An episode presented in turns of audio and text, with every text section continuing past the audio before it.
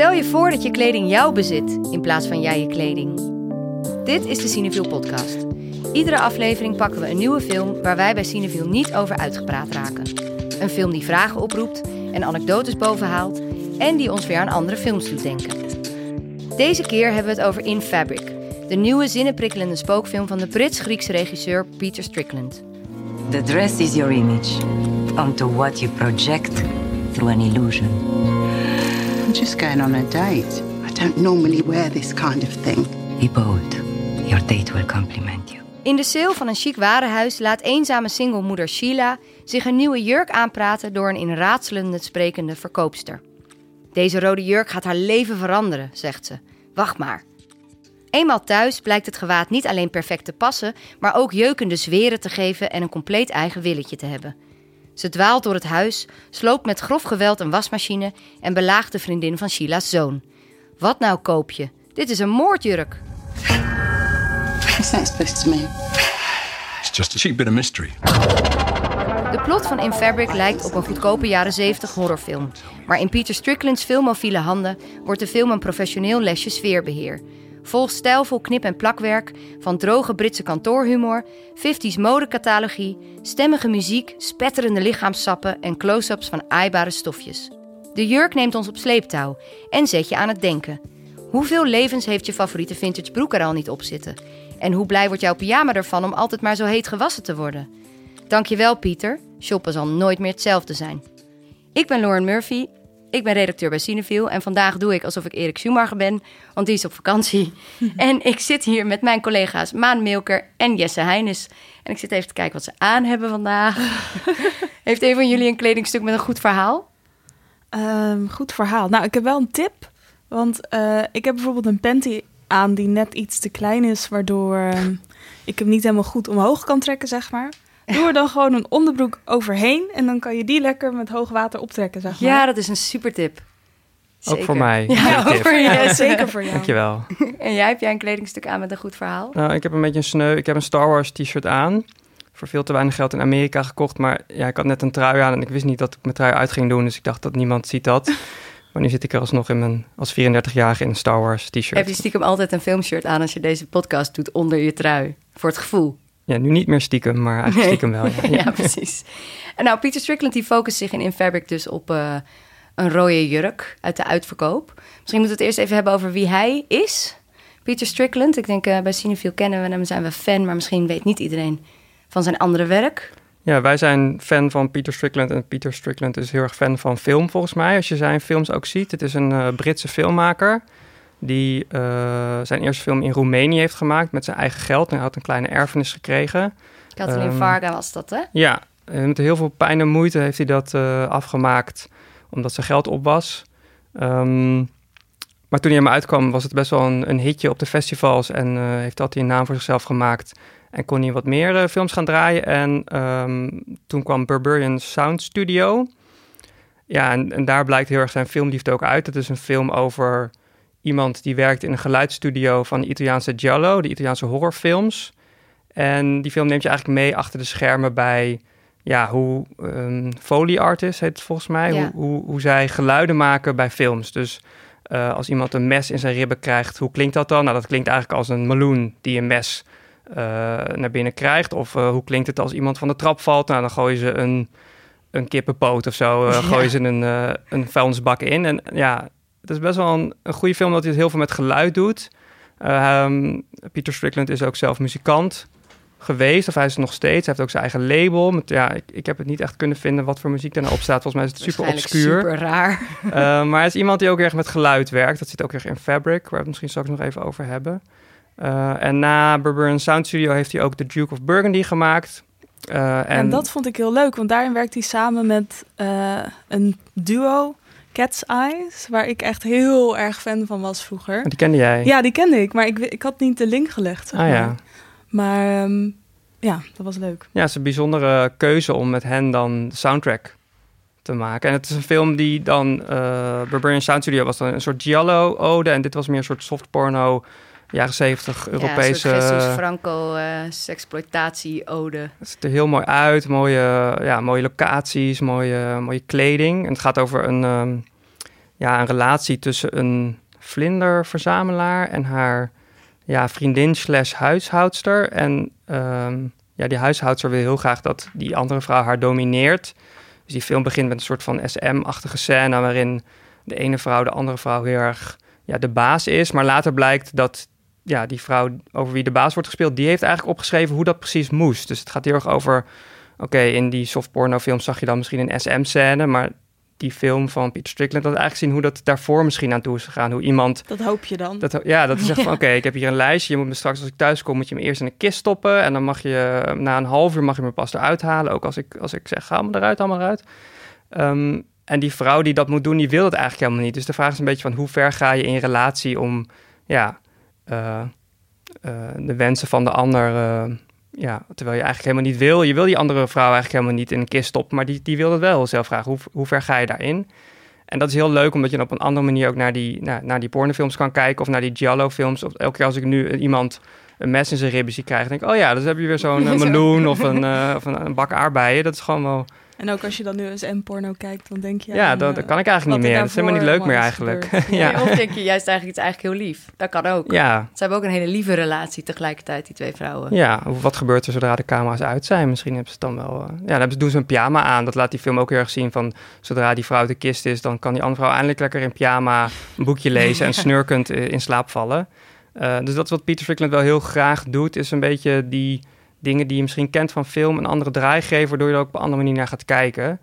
En in Fabric is dat eigenlijk kleding. Het is niet per se een filmgenre wat hij volgens mij nu tackelt. Tenminste, ik had niet het idee dat het één specifiek genre neemt. Nee, maar, er zitten wel weer heel veel invloeden gewoon van... Hij weet, hij heeft duidelijk heel veel gezien. Ja. Houdt ontzettend Ja. veel van beeld, van grafisch ontwerp. Ik bedoel, dat, dat is iets wat... Sowieso, bedoel, zijn onderwerpen pakt hij ook wel steeds iets, iets nieuws. Maar zijn stijl is ook heel erg opvallend. ja. Ja. Eh, een soort van combinatie van heel wilderig en, en heel lullig tegelijkertijd. Of zo, en heel veel ehm, invloeden. Dus ja, hij werkt ook met een, met een enorme crew samen. Of niet een enorme crew, maar een hele specifieke crew. Weet je, je had het net al over de muziek. Ja. Het is heel erg Europees, omdat hij ook, ja, hij heeft dus vooral in Oost-Europa gewerkt. Die Giallo-film is in Londen opgenomen, maar speelt zich af in Italië met allemaal Italiaanse acteurs.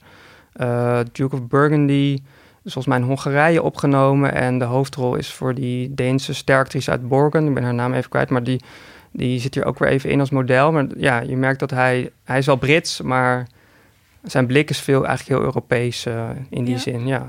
Ja, en het grappige is wel dat hij...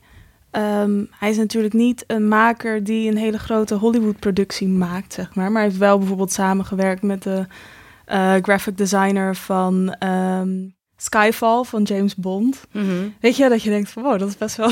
Ja, van Phantom Ik- Thread volgens ja, mij. Phantom Thread, maar ook iets als A Street Cat Named Bob. Weet je wel, gewoon hele random films bijeengeraapt en dan de makers daarvan. Maar ook de eh, production designer, Paki Smith, die heeft, eh, ja, die is ook schilder.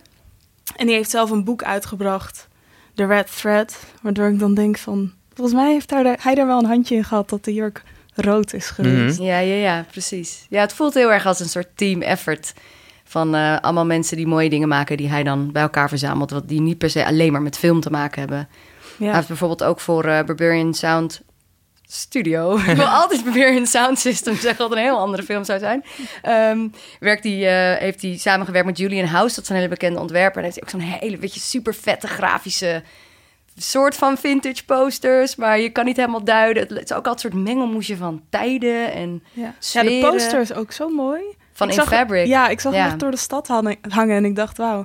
Ja, het is een soort hoofd met een gat erin en er komt een soort stofje uit of zo. ja. Een soort maar van- die is dus speciaal voor de Nederlandse markt gemaakt. In Engeland Oh, hebben ze een hele andere. En veel heeft meer een soort collage-achtig. eh, is er een andere poster? Dat Of weet ik alleen, niet. Is alleen Nederland te gelukkig? Dat weet ik niet, maar ik vind deze echt super mooi. Dus Ja. dankjewel, Filmfreak. nee, die is echt heel tof. Ehm, maar en natuurlijk, wat in Fabric heel belangrijk is, is het eh, kostuumontwerp. Want het hoofd, de hoofdpersoon is een Ja. kostuum, Ja, een jurk. ja, ja. Wie is dat? Eh, dat is Joe Thompson. En eh, zij was dus ook van A Street Cat Named Bob. Dus misschien heeft zij die Street Cat... eh, nee, sorry. Flauwe grap, een leuk kostuumtje gegeven. Maar ehm, ja, het, het is wel... Als je daarover nadenkt wat er allemaal bij zo'n film komt kijken...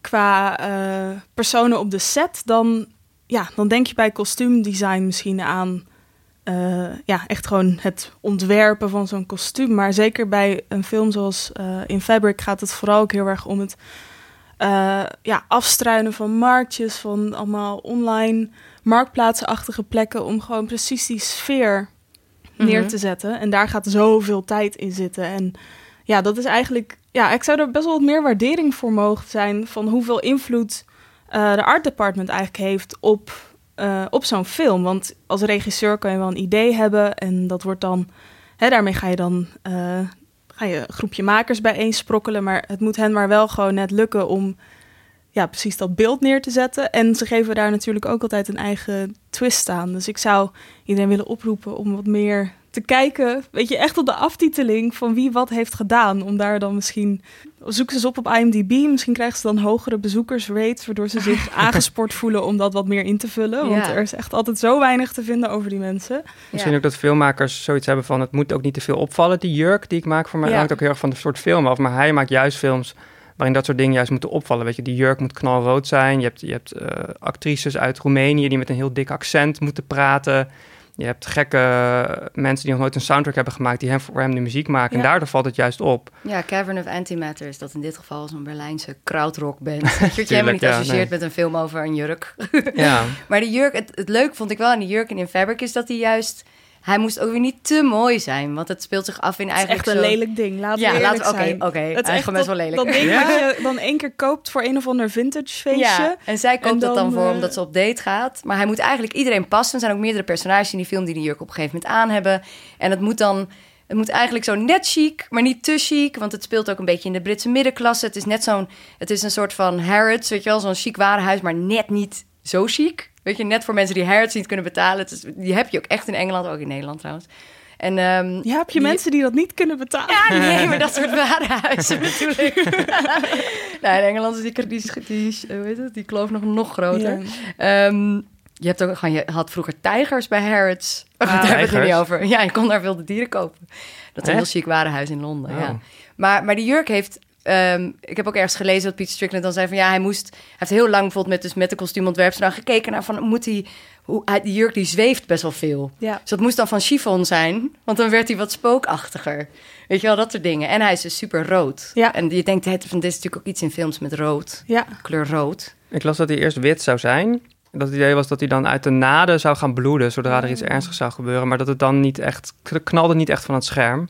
Dus uiteindelijk hebben ze voor, eh, voor rood eh, gekozen. Dus hebben ze die draadjes van de naden hebben ze gebruikt om de jurk te laten bewegen. Ja, Het als een soort... Ja, scènes dat je echt zo nog een touwtje daar een aan goedkope special effect, ja. Ja. Maar het is wel gein, het Het past werkt wel heel goed. goed, ja. ja. En wat is er met die kleur rood in film? Nou ja, Dus- het is natuurlijk in het horrorgenre is dat wel heel duidelijk de kleur van bloed. En dan ook bloed in overmaten vaak. Ik bedoel, je ziet het echt spuiten. En ehm, ja, dat gebeurt trouwens ook in deze film. Dat er echt één scène in zit. En dat ik dacht van, ah, je kon het toch niet laten om er even één zo'n gushing vein in te Ja, hebben. dat was wel zeg maar. goor, ja. was gewoon wel heel, heel nice, zeg maar. Dat je echt zo even zo, yeah, Ja. bloed. Ehm, maar het is ook, eh, de rode jurk is ook een soort van eh, Pretty Woman-achtig ehm, ja, motief van een soort van sensuele vrouw die vaak niet eens lijnen tekst heeft, maar gewoon verschijnt en waar mannen dan naar kijken of het komt voor in een droom. De Matrix zit Eh, de beroemde ja. rode dre- Ja. red Ik dress. moest ook denken aan eh, The Mask. Oh ja. Waarin Cameron Diaz een soort van entrance maakt in een bank. In een veel te kort rood jurkje. En Wie heeft dit aan? Hij ze gewoon om zijn rekening even te checken. ja. Ja, en, eh, maar bijvoorbeeld in Black Panther wordt het weer ingezet om juist een hele soort van krachtige, strijdlust, strijdlustig personage neer te zetten. Dus je Mhm. ziet wel dat, dat het ook weer... Een soort van sommige films zijn erin ook weer een reactie op elkaar, zeg maar. Dus sommige Hollywood-producties die zetten het dan in om echt die sensuele vrouw neer te zetten, heel clichématig. En andere die gebruiken dat juist weer om iets anders tegenover te zetten, zoals in Black Panther.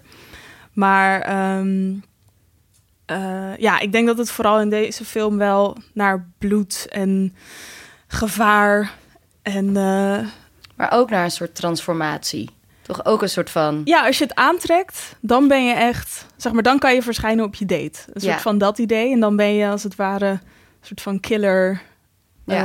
eh, Net dat- als Killer Heels, weet je wel. Killer dress, Killer ja, dress, dat is volgens ja. mij heet dat ook zo. Het staat, er ook, het staat die vrouw die die jurk aantrekt ook heel goed. Ik wil je zeggen, wat een lelijke jurk. Maar ik dacht wel van, nou ja, zo kun je wel op een date eh, aankomen, toch? Terwijl Ja. zij normaal in het gewone leven is zij best wel een burgerlijke moeder... met allemaal van die hele... Haar zoon is ook echt zo van, waarom zou je dat aandoen? Ja, Dan zie je er opeens knap uit. Dat wil ik niet. Ja. Dat je ook denkt van, oké, ja, zijn vader mag wel een nieuwe vriendin, maar bij die moeder, die moet, want zijn ouder, zeg maar, de vrouw is gescheiden, dus ja, dan eh, valt die zoon ook opeens over die jurk, want dat is wel iets te en zijn vriendin wil hem ook lenen, toch? Die, die leent de jurk, of die, dat, dat lijkt er dan op? Of Ja, dat lijkt erop, ja. ja. Daar is ze bang voor. Ja, Dat ze hem heeft, en moeder is dan bang dat zij hem een keertje heeft aangehad. ja, maar er zit ook, dat komt niet eens door die kleur rood, maar die, het hele idee erachter is natuurlijk dat die jurk een soort, die heeft een ziel al. Die, of, die neemt, Ja. of die ontneemt een beetje iets van de zielen van degene die hem aan heeft. Ik ging daardoor wel heel erg op die manier een soort van nadenken over... Nou, ik heb draagt. nu een eh, kringloop-outfitje aan. oei. En ik heb een, ja, ik weet niet, ik heb toch een blouseje aan waarvan ik denk van dit had ook wel echt van een oud omaatje kunnen zijn. En dan ligt het nu bij de kringloop omdat die oma is overleden. Is dat een fijn idee? Ja, of juist wel. Ik vind het ook wel een fijn idee. nou ja, het is wel hè, voor de, voor de circle of life is het Is het wel goed? eh, ja, Ja, goed. ik heb Ja. ook zo'n soort leren, zo'n suède vierde, vijfde, zesde hands rokje... waarvan ik het een heel leuk idee vind... dat een meisje in de jaren zestig daar langs de kant van de weg heeft, mee heeft staan liften of zo. Dat vind Ja. ik wel vet. Ja, of juist bij heel veel vintage winkels is het juist zeg maar de stok. Dus de dingen die juist niet zijn verkocht, dat je die koopt. Dus dan is zo'n kledingstuk eigenlijk weer heel zielig. Zo van, je bent 40 jaar oud en je bent nog steeds Ja. niet verkocht. Hoe moet je je dan voelen als kledingstuk? Ja, en ze doen ook super hun best in deze film om dat kledingstuk te verkopen aan haar. Dat gaat dus gepaard met een soort, nou, een, een verkoopcampagne waar je echt u tegen zegt. Onbegrijpelijk eigenlijk wat ze zegt. Wat tenminste die... wat- Ja, het is een soort van halve Shakespeare. Ja. eh, Die verkoopster in de film, ja. Ja. Die wordt gespeeld door Fatma Mohammed. Dat is een vaste actrice van Strickland. Ehm, die dus uit Roemenië komt en alleen daar beroemd is. Terwijl dan denk je, waarom? Want zij is echt magnetisch om naar te kijken. Mhm. En eh, zij praat inderdaad alsof je, toch? Alsof je een soort de zinnen die je inderdaad altijd hoort in een winkel... en dan door een soort Shakespeare-filter keer zeven. ja. Je- als je het terug vertaalt, Daarom snap je wel Een wat ze zegt. Instagram. Weet je, sommige mensen hebben van die hele pretentieuze Instagram eh, onderschriften. Het was een soort van opsomming daarvan. Van the force of life is in the... Het is ook gewoon te ingewikkeld om hier te herhalen. We kunnen het Ja, ook niet precies, ik terughalen. want het is het, van niet. Ja, het is Nee, joh, en de... Ik kan er echt niet helemaal aan het graven. De... de spiegel van je ziel. U zult, u zult opgeheven, Ja. uw date kunnen bezoenen, weet ik veel. Het is echt totale... Adonis will compliment you. Oh ja, Adonis. Oh, dat is ook zijn naam, ja, Adonis. ja, ze heeft dan een date met iemand die Adonis heet. Het is geen Adonis. Hij lijkt als ze een date met hem heeft. Maar dat hij will compliment you. Oké, nou, dan neem ik... Dus zij staat er ook maar een beetje zo bij van... Oh, eh, ik wil gewoon een jurk. Dus zij praat ook in normale mensentaal terug van... Oké, nou, is goed. Ik ga hem Ja. even aantrekken. Ja, Ja. ja, ik heb jullie gevraagd naar, een, ehm, naar fragmenten uit andere films die jullie ook... eh, die, uit scènes in winkels of waarin iemand heel erg probeert iets te verkopen... naar aanleiding van deze winkelbediende in deze film. Maan, wat heb jij meegenomen? Ik heb eh, een fragment uit echt een van mijn favoriete films. Ik hoef alleen maar aan deze film te denken. En dan krijg ik al zo'n soort van binnenlach die je niet kan stoppen, weet je wel? Dat je in de trein zit en dan opeens zo... dat je aankijkt van oké. Ehm, dat is namelijk What We Do in the Shadows van Ja. eh, Taika Waititi. En het is uit 2014. En voor de mensen die het niet gezien hebben... het is een soort mockumentary over een groep vampiers. Eh, is het vampier of vampier? Vraag ik hier aan de specialist. Vampier, zeg ik altijd. Vampier. Vampire. Vampier. En dan ook zo lang? Zo Ja, vam- vampier. Dat zou ook wel in die film thuis zeg ik horen. altijd. Vampire. Oké, nou ja, we laten het even in het midden. Mij is wel een vampierenfilm. Ja, nou ik zeg, ik, ik kom uit. Haarlem en daar spreken ze ABN, hè, zeggen ze dan. En ik zeg vampier, maar ik weet niet, of, ik zeg Ja, ook paprika en heel veel mensen zeggen paprika, dus ik, ik durf me er niet in te Zolang je maar geen zeven zegt. Ja, vind ik nee, of prima. puzzel. Oké, What we do in the shadows. Ja, What We Do in the Shadows. En daarin heb je eh, een groep vampier, van, vampiers, vampiers sorry, die al heel erg lang vampier is. En ehm, je hebt ook eentje die dat net wordt, want als je wordt gebeten, dan word je er ook een. En die moet nog een beetje wennen aan de regels en hoe het nou eigenlijk dan gaat om je wel in, het, in de soort van mensenwereld te begeven. En een van die situaties die doet zich voor in een avondwinkel. waar hij een beetje loopt te bluffen met de winkelbediende. Want zo doe je dat als je met een biertje op nog meer bier gaat halen bij de en avondwinkel. vampier bent. En het vampier bent. En eh, nou ja, we gaan even naar luisteren. Transforming stuff. Same. You. Yeah. I'll show you. You show me. Show me some of your vampire stuff. What have I got? Um, Don't lie about transforming into shit.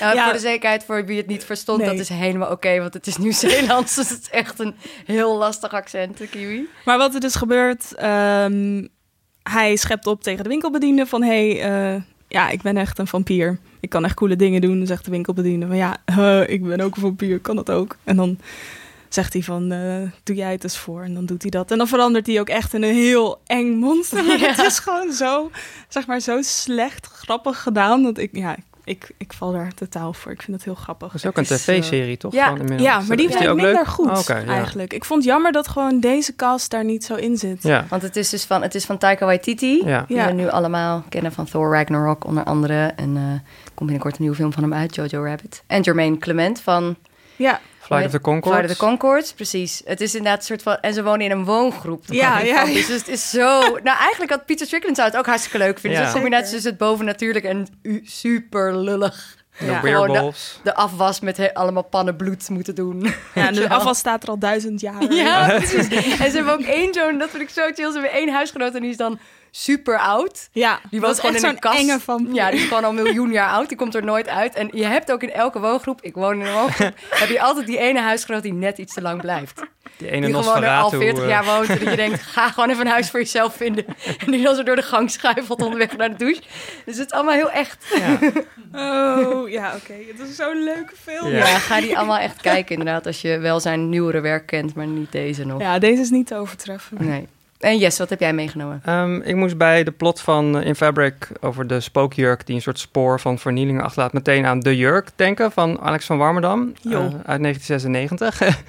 Ehm, ja, dat, ja, het is een hele ander soort film, maar het gaat over een, een zomerjurk eh, van een ja, niet heel bijzonder stofje met blaadjes erop.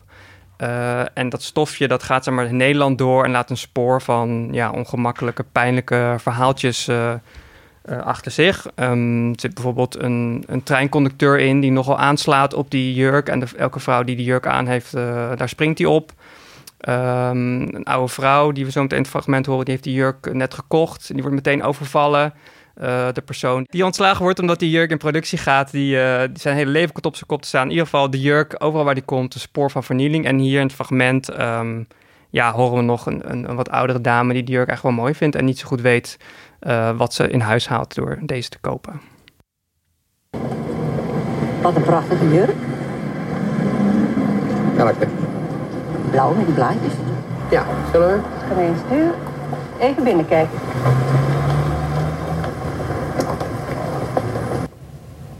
De maat is goed. Vind je? Moet ik het eerlijk zeggen? Ja. Slaat nergens op. Ik ben 61, Stella. Dat is een jonge meisjesjurk. Vindt u? Ik wil hem al niet afvallen, maar hij maakt u jonger. Heeft u er bezwaar tegen als ik die mevrouw even help, dan kunt u ondertussen een beslissing nemen. Weet je nou echt niks? Ik heb toch gezegd wat ik vind? Ik neem hem.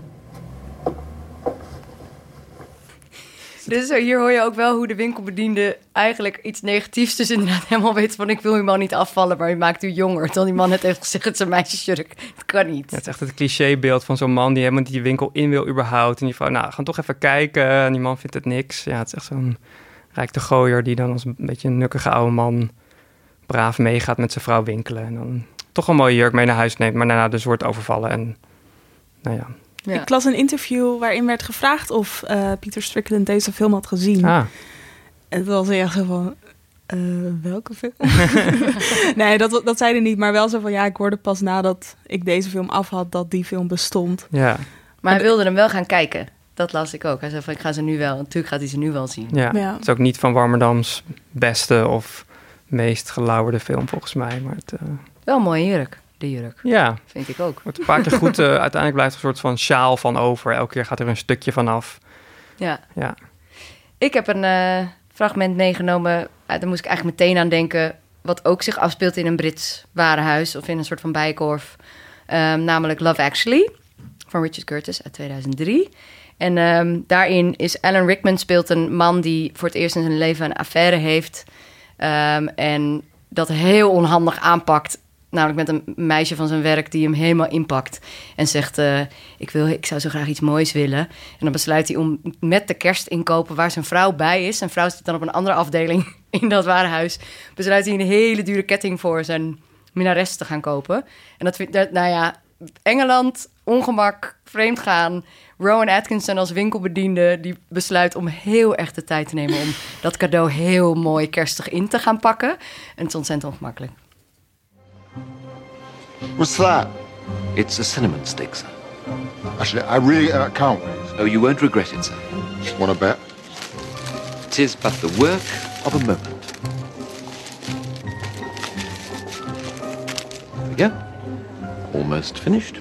Almost finished. What else can there be? You're going to dip it in yogurt? Cover it with chocolate buttons? Oh, no, sir. We're going to pop it in the Christmas box. But I don't want a Christmas box. But you said you wanted it gift wrapped. I did. This is the final flourish. Can I just pay? All we need now Oh, God. is a sprig of holly. No, no, no, no, no bloody holly. But, sir, the Uh, leave it, leave it, just leave it. Ja, Joehoe. dat was dus een vrouw die dan eh, aankomt lopen, net op tijd. En er gaat echt drie minuten aan vooraf nog, waarin Rowan Atkinson het ding in, in aan het pakken is. En dit vond ik ook heel herkenbaar voor dat je zelf... Soms denkt ik wou helemaal niet dat ik, het- dat ik het ingepakt had gevraagd. Het duurt, duurt super lang. lang en er staat een rij achter me. En ook dat soort van hele eh, minutieuze oog voor detail of zo. Van iemand die zijn baan gewoon mega serieus neemt. Ja. Ehm, nou ja, dat, ik, dat zie je in, in Fabric eigenlijk ook wel. Dat soort van heel erg op kleine dingen inzoomen... en daar iets heel moois en lekkers van maken. Weet je, die stofjes ook in, in Fabric, die komen ook in beeld op een manier... dat je ze bijna wil... Eh, gewoon lekkere stofjes. Of dat als je je werkevaluatiegesprek hebt en dat je eh, bazen dan zeggen van... Ja, you smell nice. Ja, dat zit ook in in Fabric inderdaad. Ja, het is ook een soort van manier van communiceren met elkaar... die, die heel erg eh, onder de loep wordt genomen ook of zo... door Peter Strickland. Die soort van dialogen tussen Ja. mensen met een bepaalde functie... ja, wat kan je wel zeggen, wat kan je niet zeggen? Ja, ja, precies. Ja, dus hij schijnt dus voor zich voor deze film ook geïnspireerd te, te laten hebben inspireren door ASMR. Er zitten een paar van die gesprekken in de film. Dus je hebt, de, je hebt de, de winkelbediende die dan dus in een soort van raadselen praat. Je hebt dus de bazen van Sheila, waar ze dan af en toe een evaluatiegesprek mee heeft. Die ook, die praat een beetje zoals de Office of zo. Die praten ook in van die corporate termen. Dat je ook denkt, ik, ik weet wel wat jullie willen zeggen, maar het is ook een soort hocus pocus. Ze werkt bij een bank, toch? Ja. Eh, ja. En dan gaan ze haar een beetje aanspreken omdat ze één keer naar het toilet is geweest, terwijl ze al heeft uitgecheckt. Het is echt totaal bizar gesprek met twee mannetjes met zo'n overhemd en een stropdasje aan, die net iets te dichtbij zitten. En het is echt typisch die office inderdaad, zo'n ongemakkelijke, pijnlijke vraag, vraaggesprek over, oké, hoe laat had je ook weer uitgecheckt en hoe lang ben je toen naar de wc geweest? Echt heel... Ja, omdat Heel ze zich dan even niet aan de regeltjes Ja. heeft gehouden. En je hebt dan ook nog, er is nog een andere eh, personage in de film, die is wasmachinemonteur.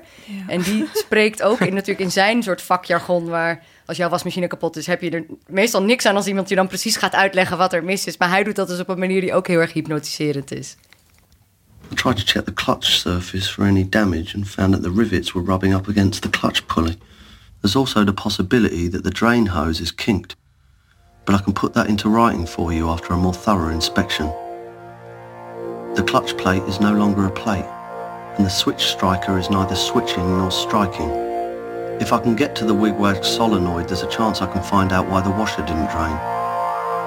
The block pump isn't helping matters, and the agitator leaves me at a loss. I can also see that the wigwag terminals are not where they're supposed to be, which leads me to the conclusion that this washing machine is dysfunctional. Het is als dit gebeurt in de film, dan zijn ook de mensen in zijn omgeving worden daar een beetje hitsig van. Of zo. Die gaan helemaal scheel kijken. Ze dromen een beetje weg. Ja. Oh. maar ik heb het gevoel dat Peter Strickland dat sowieso een beetje, dat gevoel een beetje wil overbrengen. Dat hij een soort film wil maken waar je, dat, waar je een beetje dat gevoel van krijgt ook. Beetje die hypnose. Ja, en ook een beetje een soort fetish ding. Weet je wel, de manier waarop hij met stoffen speelt en zo. Ja, maar ook zoiets als in die tekst. Dat, eigenlijk gaat het helemaal niet om dat hij die eh, wasmachine gaat repareren. Het gaat om dat hij dat allemaal gaat uitleggen. En zeg maar dat hele ehm, ja, sensory, zeg maar, hoe moet je dat noemen? Dat eh, daar gaat het om in plaats van om de functionaliteit bijvoorbeeld van zijn werk als ehm, wasmachine reparateur. Ja, hij weet echt bijna een soort iets bovennatuurlijks te maken van een wigwam of wat dat ook. ik heb geen idee wat dat is in het Nederlands. Of van zoiets als een stof of een... eh, Ja, ik heb, er- ik heb ergens gehoord dat hij wordt heel erg een soort fetischistische filmmaker onthaald. Peter Strickland. Kan jij, kan jij bijvoorbeeld, heb jij een idee wat dat zou dan zou betekenen?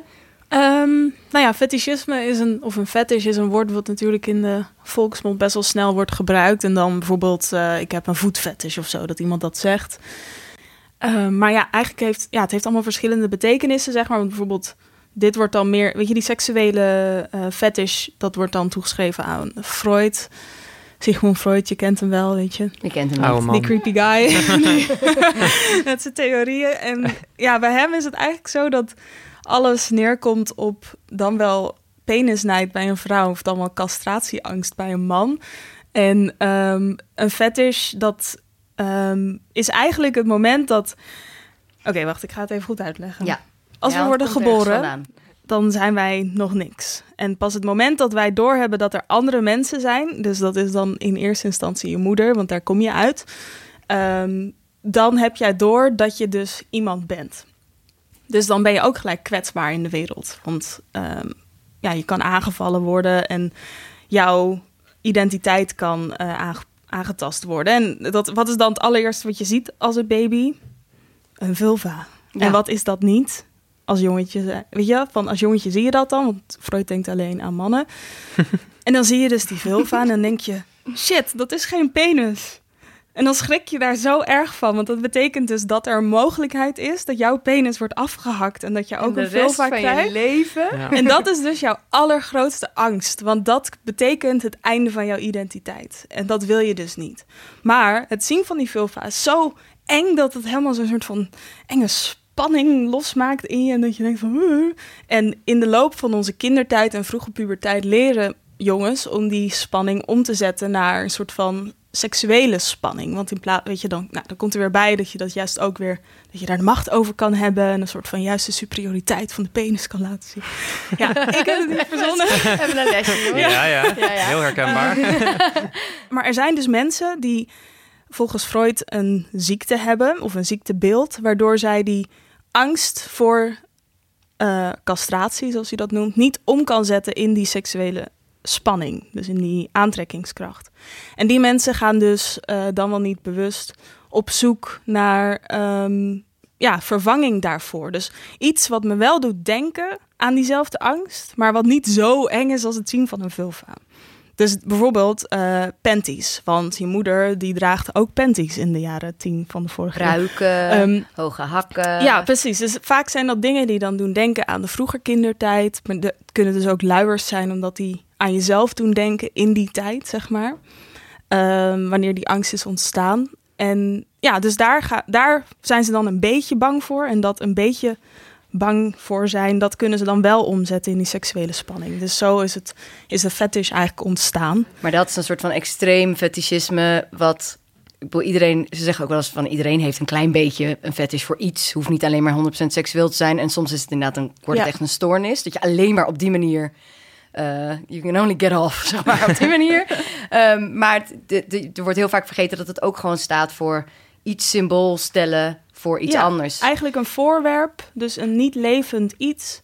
Ehm, ja, een soort macht toekennen of een soort ziel toekennen die dan vervolgens weer macht over jou heeft. Dus Ja. op het moment dat jij... En dat zit wel heel erg in deze film. Ja. Maar dat seksuele fetischisme zit er ook in. Want er zitten ook kousen. Er is ook een behoorlijke focus op kousen. Ja. En een paspop. En op pasmannequins scène. zijn ook wel echt een fetischobject. Oh. Inderdaad. Ik las Het dus dat een van, de, scène. een van de eerste herinneringen die Peter Strickland heeft... is dat hij in een warenhuis in zijn buggy onder een mannequin is gezet, zo'n paspop... en dat die hand zo boven zijn hoofd hing. Nou, als je dat weet en je ziet deze film... dan begrijp je al Ja. een paar dingen wat, wat beter. Ja, en, ehm, maar, ja in, maar ook bloed. En ook, er zit ook, Marx had ook een soort van fetischisme. Het was een commodity of ware fetischisme. Wat heel erg juist gaat, het staat in Das Kapitaal. Dus het gaat over kapitalisme en hoe we als mensen, ja, hoe leg je dat uit? Ehm, dat de relaties tussen mensen onderling zich voordoen als relaties tussen mensen en dingen. Dus als tussen koopwaar en mensen. Het is super ingewikkeld. Ik ga het niet zo lang uit de doeken doen. Als, het is ook niet zo beeldend als seksueel fetischisme. Maar het is wel heel interessant om dan te bedenken dat eigenlijk alle al die vormen zitten in deze film. Dus Ja. dan inderdaad is het een super fetishistisch film. Ja. Op zich is het ook al best wel fetishistisch om zo erg op één... Weet je, zo erg dingen van close-up lekker in beeld te brengen als hij dat doet. Dus de film aan zich is ook een soort van Ja. fetish-object bijna. Ja. en ook als je kijkt bijvoorbeeld naar Maatje 36, wat in deze film ook een best wel groot onderdeel is. Dat je denkt van, ehm, daarin is dat, dat mechanisme van dat ware fetischisme is ook een beetje ehm, werkende. Want je denkt dan van, eh, weet je, of de vrouwen in de film denken van, oh, ik wil Maatje 36 hebben.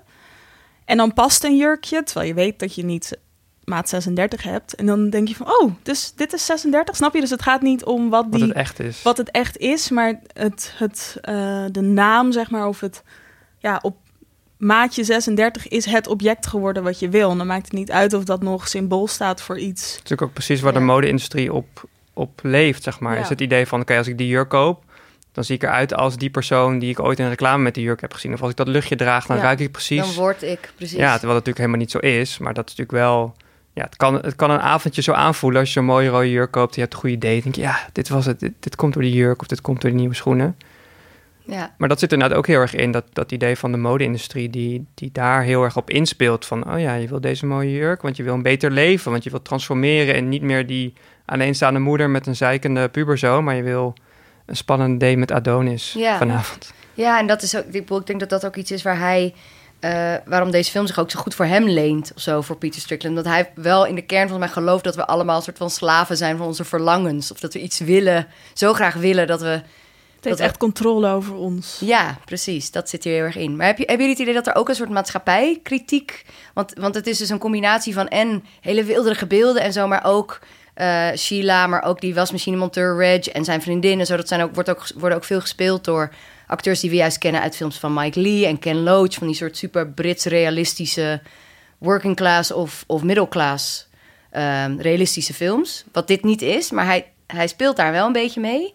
Maar, en dan in de wereld van mode, denk je dat hij iets wil zeggen ook over Engeland of de mode-industrie of daar een soort kritische noot bij ja. stelt? Nou ja, ik denk sowieso dat ehm, op het moment dat je een film maakt waarin de winkelbediendes van een warenhuis super creepy secteleden zijn, een soort van, Ja. je, dat dat sowieso een soort van kritiek is op hoe, soort, eh, ja, hoe eigenlijk die ehm, consumptiemaatschappij een soort secte is geworden of zo, of is.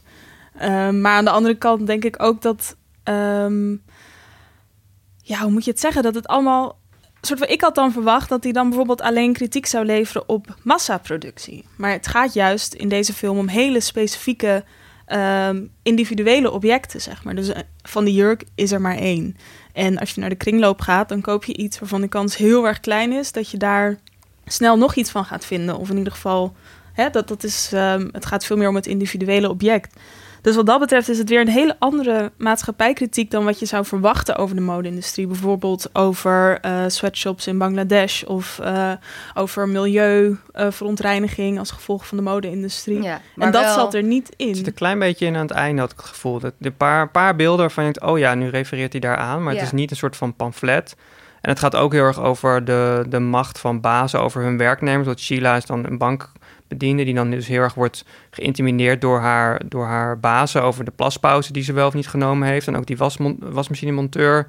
Die, die maakt dan een wasmachine, zijn eigen wasmachine in zijn eigen tijd. Maar dat mag niet, want hij heeft toch die opleiding gekregen van zijn baas. Ja. Hoe durft hij? Je bent ontslagen. Dus het gaat ook heel erg over ja, die arbeidersklasse die eigenlijk geen poot heeft om op te staan. Ja. En een beetje is overgeleverd aan de grillen van hun managers eigenlijk. Dus dat zit er ook wel in, maar het is, het is van alles wat. En dat maakt het denk ik ook wel juist heel fijn om naar te kijken. Omdat het niet zo'n, ja, niet, het is geen pamflet. Het is geen, eh, ja, geen woedende film over de mode-industrie. Maar het zit er wel, het zit er wel in. Ja, ik vond het ook echt een hele prettige film om naar te kijken. Ja. Een soort van wel zo'n film. En zeker in combinatie met zijn films hiervoor, waardoor je denkt: ik wil gewoon eigenlijk alles gaan zien wat hij gaat maken vanaf nu. Ik heb hem gesproken. Dat interview gaan we er hier achteraan plakken. En het is echt helemaal niet de man die je erbij verwacht. Weet je waar we het net over hebben? Die soort van BDSM in de Duke of Burgundy. En of je nou een fetish is, en dan zie je hem. Echt een heel soft-spoken, super Brits. Maar ja, dat is natuurlijk juist. De Britten hebben waarschijnlijk dingen waar ze liever niet naar kijken... die ze dan even op film kunnen botvieren. Dat is wel prettig. Ehm, maar goed, dus dat gaan jullie horen. En ik wil nu graag nog een eh, rondje doen. Waar hebben we zin in de komende tijd? Jesse? Ik heb heel veel zin in Hustlers. Uh, is gebaseerd op een artikel uit New York Magazine. Nou, ik vind het altijd een goed idee als er films gebaseerd op artikelen zijn. Dat weet je eigenlijk meteen dat het leuk wordt. Uh, en de volledige titel van het artikel is... The Hustlers at Scores. Here's a modern Robin Hood story for you. A few strippers who stole from mostly rich... usually disgusting, pathetic men... and gave to, well, themselves. Dus het gaat over strippers... die, die hele rijke mannen een hak zetten... en uh, hun geld afhandig maken... Hoofdrollen zijn van voor Jennifer Lopez, Constance Wu, uh, Cardi B heeft een cameo. Lizzo. Uh, Lizzo zit erin. Um, geregisseerd door Loreen Scafaria, die ook het scenario heeft geschreven. Zij heeft ook eerder uh, Seeking a Friend for the End of the World gemaakt. Een kleine indie comedy. Ze heeft ook heel lang gedaan om deze film van de grond te krijgen. en uiteindelijk toen Jennifer Lopez zei van... nou oké, okay, ik wil wel producent zijn en ik wil wel een stripper spelen... toen toen kwam het geld binnen. Dus nu, ja, en hij ging dit weekend in Toronto op in première en super goede recensies gehad. Ja, mensen zeggen echt dat het de eerste echt goede rol van Jennifer Lopez ook is sinds Out of Sight. Dus nou, daar vond ik haar echt steengoed ja. in. Ja, het ziet er super, uh, best wel leuk uit. Ja, ja ik heb, het, gaat, het draait vanaf 12 september, dus nu. Top. En Maan? Um, ik ben heel erg benieuwd hoe de film Instinct gaat zijn van Halina Rijn. En um, nou ja, het, uh, je ken, we kennen haar natuurlijk als actrice. En ik ben gewoon, ik ben altijd benieuwd hoe dat dan gaat als een expert in het ene gebied dan opeens een soort van iets aanverwant gaat doen wat toch totaal anders is. En um, ja, het is met Carice van Houten en uh, Marwan Kenzari. Dus ik, ik weet gewoon niet uh, het is gewoon zo'n sterrenkast, zeg maar, van de laatste tijd. En dat echt zo, weet je, Nederlands hoop in het buitenland. En dit, deze film was ook, uh, heeft het goed gedaan op de festivals. En ja, ik ben gewoon benieuwd of het een beetje de, uh, noem je dat, anticipation, of dat waar maakt. Ik ben heel benieuwd hoe het gaat zijn. Of de hype ja, waar is. Ja, Oscar-inzending, openingsfilm van het Nederlands Filmfestival. Dus ja, ik ben benieuwd. Ja, ben ik ook wel benieuwd naar. Ik um, zat heel erg te twijfelen. Ik dacht, ga ik Nuestro Tempo zin in hebben? Een kleinere film heb ik ook zin in. Maar nadat Joker afgelopen weekend de Gouden Leeuw heeft gewonnen... op het filmfestival van, van Venetië... ben ik toch ook wel heel erg benieuwd naar naar. Ligt een beetje voor de hand, maar dit is wel heel bijzonder... dat zo'n grote productie over in principe een comic book character... dit soort prijzen in de wacht sleept. En ik vind Joaquin Phoenix eigenlijk altijd te gek... Dus ik ben heel benieuwd wat hij daarmee doet. Ik heb ook wel kritische dingen erover gehoord. Dus daarom juist nog wel meer zin om te zien. Om te kijken of ik dat gevoel er ook bij krijg.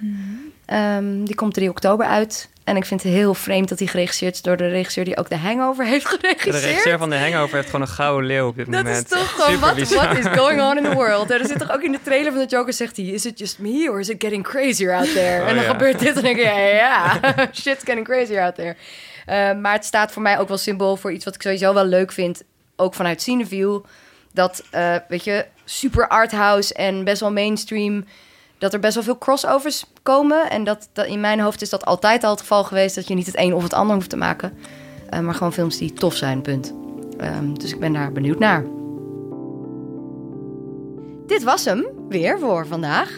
Uh, misschien wordt onze volgende podcast ook wel over de Joker. We hebben nog geen keuze kunnen maken, maar als jullie een voorkeur hebben, laat dat vooral even weten aan ons via podcast.cinewiel.nl en laat ook ons weten of je de podcast leuk vond of niet. Ik wil alvast heel erg mijn collega's Maan en Jesse bedanken en Lieke van Dag en Nacht Media. En blijf nog even hangen voor ons interview met Pieter Strickland om uh, die brandende vragen die we nu naar aanleiding van dit gesprek hebben nog even beantwoord te horen. Tot ziens!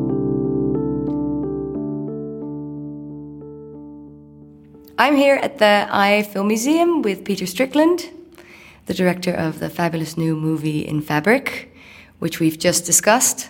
Um, I'm a huge fan of your work and the atmospheres that you create, and the obvious, I'm thinking obvious, palpable love of cinema that you have, of the medium as well, and really think you sort of elevate it to an art form, which I really appreciate. And I wanted to talk about your latest movie, um, which is about I wouldn't say an evil dress.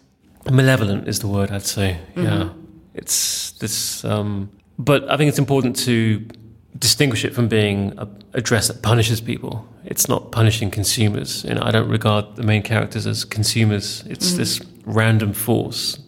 The same way in which disease is random. You know, disease attacks perfectly healthy people, and um, which for me is much scarier. It's much more nightmarish. So it has this irrational logic to it. Mm-hmm. And it also feels like it's um, it's a collection of ideas and methods and storylines. Um, would you consider yourself a collector? And in that sense, do you also, for instance, go to thrift stores yourself often? When I was younger, I used to buy a lot from secondhand stores. Um, you could often smell the previous owner, Mm-hmm. and it wasn't always pleasant. and you, you're, you're inst- instantly made aware that this clothing has a story just from yeah this kind of intimate this this this proxy intimacy, which uh, I guess leads on to stories. You know, you imagine the man in the shirt I had making love in that shirt and all, all kinds of stuff. You know, imagine all kinds of very intimate things. That's what I love about it too. in a way, I guess all clothing has a story behind it because pe- people make clothing, um, usually, not usually, but you know, often in very um, unfair conditions, very exploitative conditions. And originally, I was going to explore that, and I don't know, I, I just felt I, I don't really have that talent to make. I Felt it's better left to people who can do that really well because I still wanted to make a genre film, and I think the two combined can be tricky sometimes. So I didn't I didn't didn't want to be didactic. I think it's fine if you're made aware of these things. So you know you have in the final scene you are made aware of sweatshops, but not in this kind of finger wagging moralistic tone. Hopefully. Um, so this film centers on one particular item of clothing, one object. Your sort of your main character is, is the dress, in a sense. How do you set about designing that one piece of clothing? Well, that's a collaboration with Joe Thompson, who was the costume designer. So, I mean, I, I, I could never design a dress. So it was more about communicating what I needed the, dr- the dress to do, such as move through the air like, like a jellyfish. Mhm. Then she would say, okay, you need chiffon, you need silk. We spoke a lot about the type of dress in terms of the type of buyer. Because I think the stores I was influenced by were usually middle class. These were not. This was not Gucci, you know.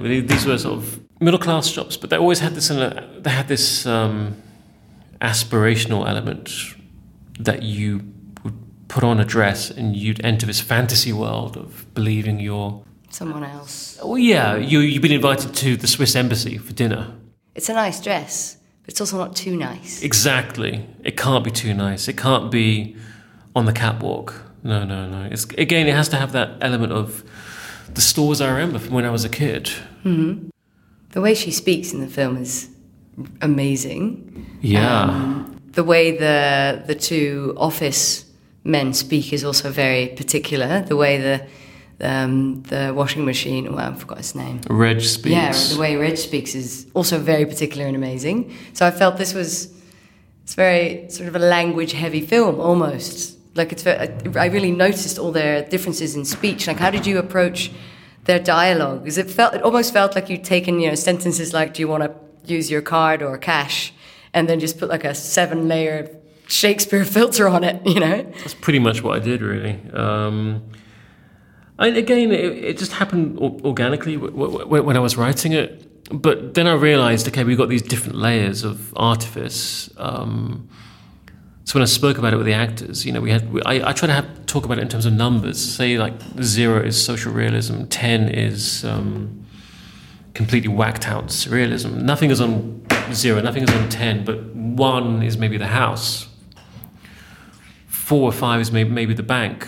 Seven or eight is maybe, maybe the store, and then you you kind of work according to that. Levels of weird. Levels of weirdness, but also levels of. It was to me. It was never that weird. It was always just being true to what I remember from from from shopping or working in shops or working in offices.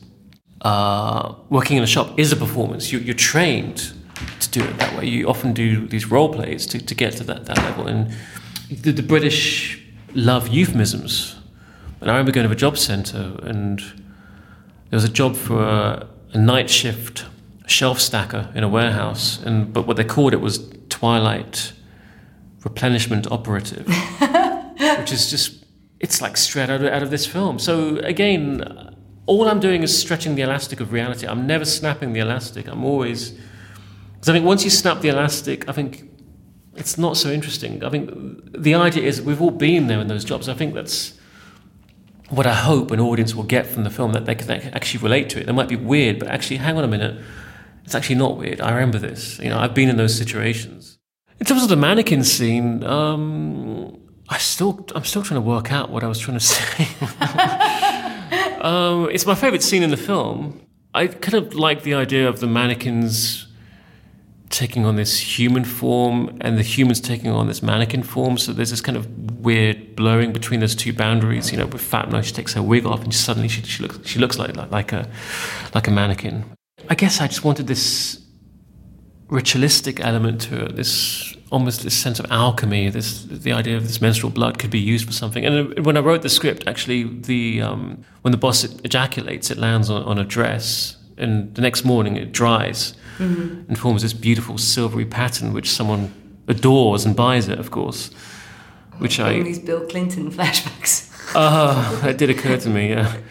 Um, but that would be wonderful to do it. We just, just didn't have time. Um, yeah, I mean, I, you feel like does the mannequin have and the dress they have a certain power over everybody that encounters them? So also the man Fatma, maybe not so much. Well, yes, but, but, but, it goes into a wider question of just desire. You know, I mean, so much of clothing is about sexual desire, and you're selling that is a commodity in, in, to some degree. So I think with the mannequin, that's a somewhat um, outlandish extension of, of, of that idea.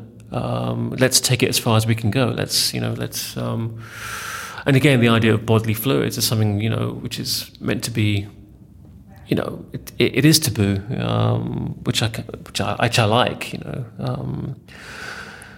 So I think just when I wrote it, just organically, you know, it just went further and further. is there? Um, can you expand a little on why they can't return the dress? Well, again, it was the idea of the sales, the idea of expunging, the idea of get rid of it. It's all fast fashion. Get it out, get it out. Let's just move on to the next thing. This cyclical thing. Mm-hmm. Um, so, and of course, on, a, on, a, on a more literal level, they know it's cursed. They, I think it's a power. It's almost like Frankenstein. It's something they've created that. I mean, I don't, I don't want to be too specific about how it's created because I think that that kills the mystery somewhat. But you know something has been created, and you know it's probably bigger than they thought it was again, it's like Frankenstein is, is the power of Frankenstein is beyond. Sorry, Frankenstein's monster. I I, I, I sh- should say it's um.